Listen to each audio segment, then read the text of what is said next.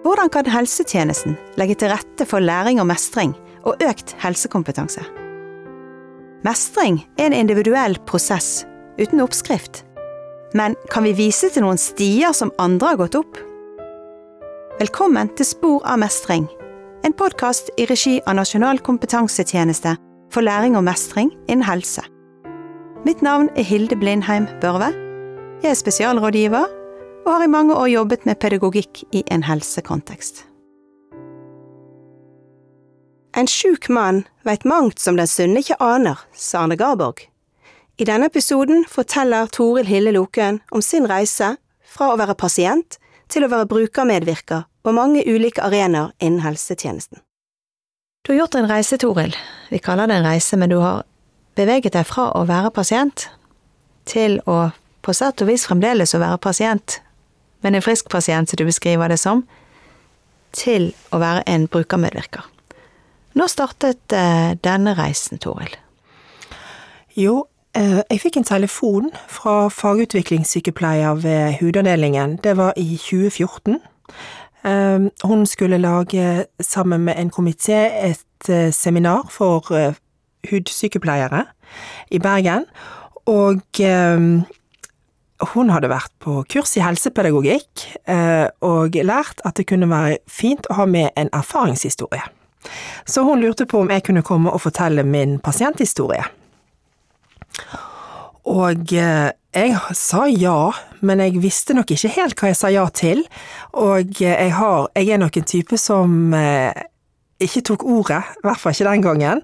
Jeg sa ingenting på personalmøter eller noen ting, så det var veldig nytt for meg å skulle på en måte stå foran en forsamling og snakke. Var det en stor forsamling? Ja, det viste seg at de var eh, tett oppunder 100 personer.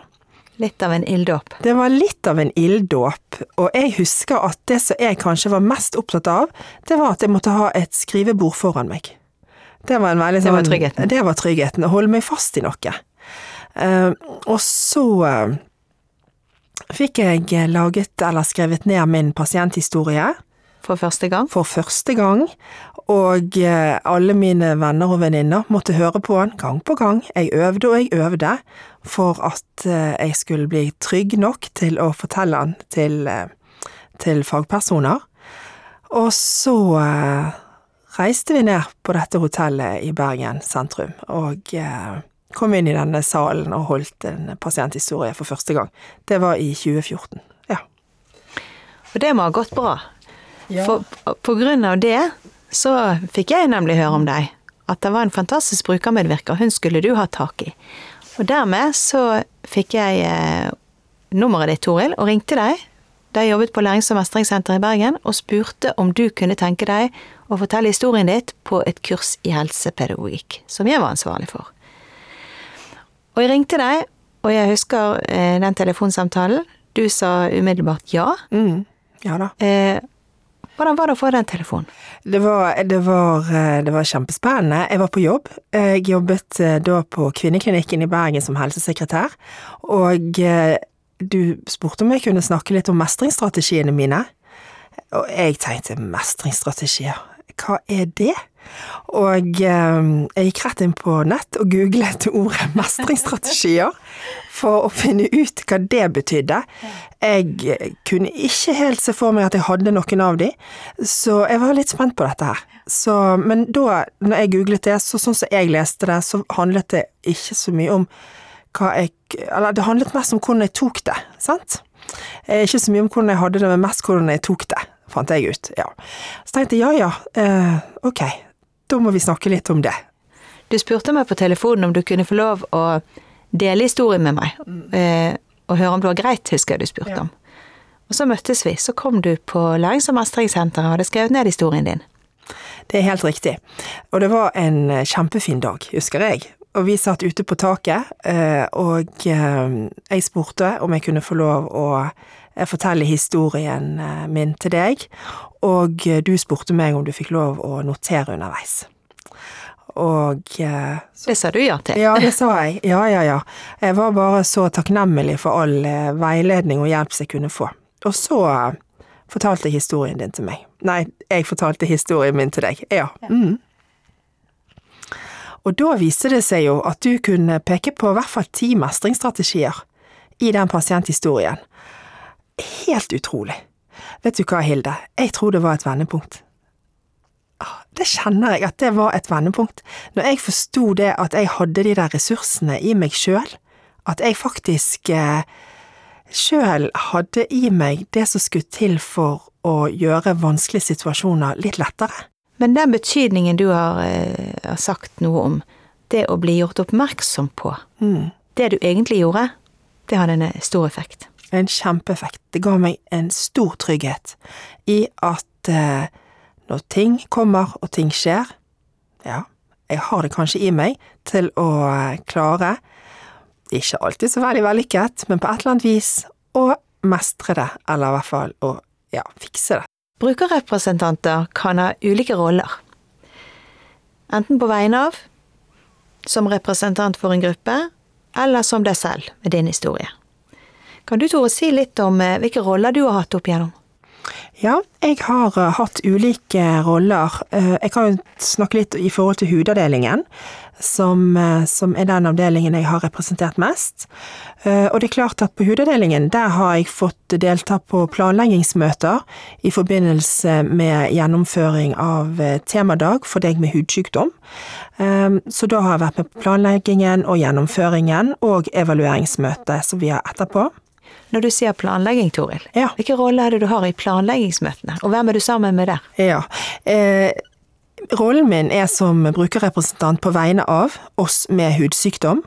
Eh, og eh, de andre som deltar, er i dette tilfellet er det en eh, doktor, doktor Rustad, og fagutviklingssykepleier Anne Karin Rolland. Det er oss tre som har på en måte holdt de dagene, og så ønsker vi oss flere. Ja. Så de har fagperspektivet, og du Ja. representerer oss med hudsykdom. Absolutt. Er det sånn det foregår? Ja, det er sånn det foregår. Så da, da sitter vi og diskuterer litt frem og tilbake eh, hva vi skal ha som tema. Eh, og det skal være en fin blanding av fag og av eh, hvordan det er å leve med, som jeg snakker mye om, og hvordan behandle. behandle. Hvordan blir du lyttet til, opplever du? Jeg føler jo at jeg blir veldig lyttet til, og jeg blir møtt med veldig respekt. Eh, Så det er jo viktig å, at vi får en fin kombinasjon av eh, alle, alle perspektivene. Og så har jo vi hatt disse kursene flere dager, eller flere ganger, så vi eh, bruker jo òg veldig mye det som er kommet inn på evalueringene. Hva pasientene ønsker mer ut av. Ta hensyn til hva de sier, og Veldig. utbedre det neste gang. Absolutt. Ja. Mhm. Så der har du en rolle. Og den rollen er det jo mange brukerrepresentanter som har i disse planleggingsmøtene. Og da sitter han altså i møte med fagpersoner, ulike faggrupper. Mm. Eh, har du noe du kan har lyst til å si om akkurat den rollen? Ja, jeg tenker jo at eh, det var Det gikk noen møter før jeg var trygg og komfortabel, selv om eh, dette er helsepersonell som jeg er trygg på når jeg er pasient. Men når jeg skulle sitte der og mene noe på vegne av pasientgruppen min, så kjente jeg at det var litt vanskelig enkelte ganger eh, første møtene å fronte. Det kjenner jeg. For det at det er klart at det er jo eh, behandlerne mine, dette. Og eh, som brukerrepresentant er jeg aleine. Eh, fagpersonene er ofte flere. Så det er litt sånn eh, Men nå er jeg veldig eh, heldig, så jeg blir veldig respektert. Blir veldig godt ivaretatt. Ja. Men har du noen tips til oss helsepersonell når andre erfaringsrepresentanter skal inn og bidra som på vegne av? For du er blitt trygg, sier du, men er det noen tips å ta med oss? Ja, jeg tenker jo at, eh, at som helsepersonell så er man kanskje vant til å sitte på planleggingsmøter, og vant til å ta ordet, og vant til å, å snakke faget sitt, eller snakke behandling. Men som pasient så er ikke det sikkert det er vår daglige virke. Så for min del var jeg ikke vant til å delta på den type møter i det hele tatt. Og det tenker jeg er viktig å ta med. Eh, At det, er, at det er en som styrer møtet, og som kanskje har en ekstra tanke for at brukerrepresentanten må få litt eh, støtte på å komme opp med sine ideer og tanker. Det er, det er viktig det du sier der, og, og noen må ta den rollen. Og det kan òg være uvant for fagpersoner å lytte til erfarne brukerrepresentanter, som gjerne har vært pasienter hos disse tidligere. Det kan jo òg hende. Ja, jeg tenker at dette er jo en eh, kanskje i begynnelsen en litt vanskelig situasjon. Ja. Um, så jeg har vært med på mye ulike ting eh, som brukerrepresentant, og jeg tenker jo at det må være utfordrende. Jeg vet ikke om det er det, men i min verden så tenker jeg at det må være litt utfordrende for helsepersonell å se meg gå inn og ut i dørene. En dag er jeg pasient, og jeg kjenner det, at jeg er pasient. Jeg kjenner det inni kroppen min. Jeg Hver åttende uke. Hver åttende uke er trykket, blodtrykket litt høyere og pulsen litt rask. Da kommer jeg for å få min biologiske medisin. Og andre ganger så kommer jeg for å mene noe ja.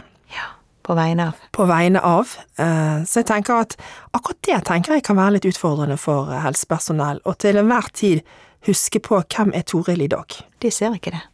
De kan ikke se det utenpå meg, sant, men jeg kjenner det inni meg, så jeg vet hvem jeg er. Men eh, ja, det tenker jeg, at det er kanskje noe som man skal ta litt inn over seg. Eh, De rollene du har hatt, du har begynt å nevne ditt, du har vært mye involvert i hudavdelingen, eh, men du har òg vært involvert i mange andre ulike ting. Ja. Kan du si litt om andre roller du har, Toril? Eh, ja, jeg har vært med å eh, holde kurs, kompetansehevende kurs for eh, brukermedvirkere. Eh, det er spennende. Det er helt eh, nye og noen erfarne brukermedvirkere som møtes eh, i regi av Læring- og mestringssenteret på eh, her i Bergen. Og eh, da er det fagpersoner som er til stede, og jeg som brukerrepresentant, og vi holder kurs for brukerrepresentanter. Eh, Hvordan eh, lage innlegg, hvordan presentere, eh, hva er rollen som brukerrepresentant, Eh, hva kan vi snakke om, hva skal vi ikke snakke om, Eh, hva passer seg, og ikke minst, hva er formålet? Hvorfor holder vi et brukerinnlegg? Det snakker vi veldig mye om. Um, Så dette kurset det er kun for brukerrepresentanter, ikke fagpersoner akkurat dette kurset, sier du? Nei, dette er kun for brukerrepresentanter, og så har vi jo da eh, med oss noen fra, fra kommunikasjonsavdelingen som har snakket litt om hvordan kommunisere ut, og, eh, og jeg som er brukerrepresentant så snakker jeg litt om hvordan det er å stå i situasjonen som brukerrepresentant og holde innlegg.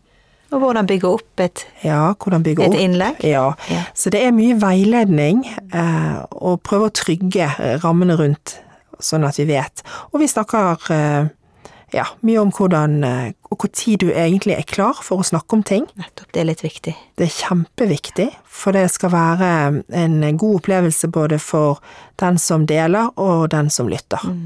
Du skal på en måte ha fått et avstandsforhold til din egen historie før du kan fortelle den til andre. Er det litt av det det handler om? Ja, jeg tenker at det er litt godt å ha litt sånn eh, avstand til det som har skjedd. Eh, Men fortsatt kjenne selvfølgelig at eh, vi er pasienter og vi har vært igjennom tingene, men at vi kan snakke om det uten å bli veldig emosjonell, for det er ikke noen god opplevelse for, for min egen del, kjenner jeg det i hvert fall. Nettopp. Du har òg vært eh, involvert i undervisning for LIS-legene, leger i spesialisering. Ja. Hva snakker du med de om? Med de snakker jeg om eh, hvordan det er å møte pasienter. Eh, de opplever jo at det er mange vanskelige pasientmøter, og at det er mange korte pasientmøter, og jeg tror um, min erfaring er i hvert fall at mange ønsker å ha mer tid med pasientene. Så da forteller jeg min deler av min pasienthistorie, og så etterpå så snakker jeg litt på vegne av oss pasienter som møter helsepersonell og LIS-leger eh, hvordan vi ønsker å bli møtt. Og eh, jeg opplever jo at de er, de vel, har et veldig ønske om å ivareta eh, pasientene sine best mulig, men at de kjenner på en utfordring med tid. Det er ikke så mye tid for dem. De løper fort rundt. Mm. Så her snakker du litt om brukermedvirkning på individnivå, Ja. hvordan en Ja. kan ta del i avgjørelser om sin egen helse. Ja.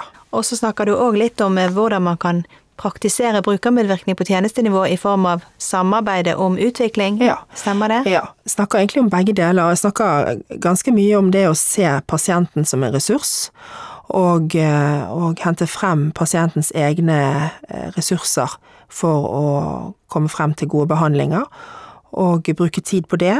Eh, Men òg dette med at at Læring- og mestringssenteret er der, og dette med å kunne henvise pasienter til pasientkurs og pasient- og pårørendeopplæring. Gjøre det kjent. Ja, for det tror jeg er Eller det vet jeg at er veldig viktig, og jeg er ikke sikker på at alle har eh, hørt om det. For det er så mye de skal lære, disse LIS-legene, samtidig. Så mm. Eh, I alle disse rollene som du har nevnt, og vi kunne sikkert nevnt enda flere, men i, et utvalg i hvert fall, Toril, så eh, lurer jeg litt på om du ser noen effekt, noen nytte av det arbeidet du og andre brukerrepresentanter gjør Mm. for tjenesten? Ja, jeg tror nok at, eh, at jeg ser det, absolutt. Jeg ser det jo i møtet mitt med andre pasienter som, som opplever at, at de føler seg godt ivaretatt og trygge. Eh, De syns det er kjekt at det er andre pasienter som er med å utforme pasienttilbud.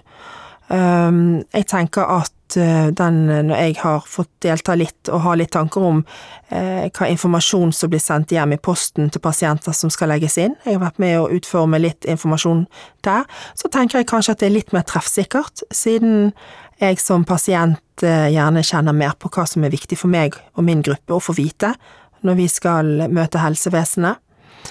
Eh, Når jeg snakker med helsepersonell, fagpersoner, eh, som har møtt meg som brukermedvirker eller andre brukermedvirkere, så forteller de om en større forståelse for eh, hvordan det er å være pasient i møte med helsevesenet, og kanskje en større forståelse for hvor, hvor vanskelig det kan av og til være å få med seg all informasjon som blir gitt. Eh, For det blir jo, når vi er pasient, så i hvert fall for min egen del, så blir det veldig mye informasjon på kort tid. Eh, Og det er jo en del jeg ikke får med meg. Store deler vil bli glemt. Absolutt. Så det å ha litt skriftlig materiale Ja, i tillegg til det muntlige, Ja. kan være en idé. Ja, og litt sånn oppfølgingssamtaler, og litt sånn gjenta, og kanskje litt dette med hva var det du hørte, som jeg sa? Altså, at vi kan gjenta det litt for hverandre. Ja, Ja, vi snakker en del om sånne ting. veldig bra. Mm. Og så er du opptatt av dette at pasienter skal få tilbud om å delta på kurs.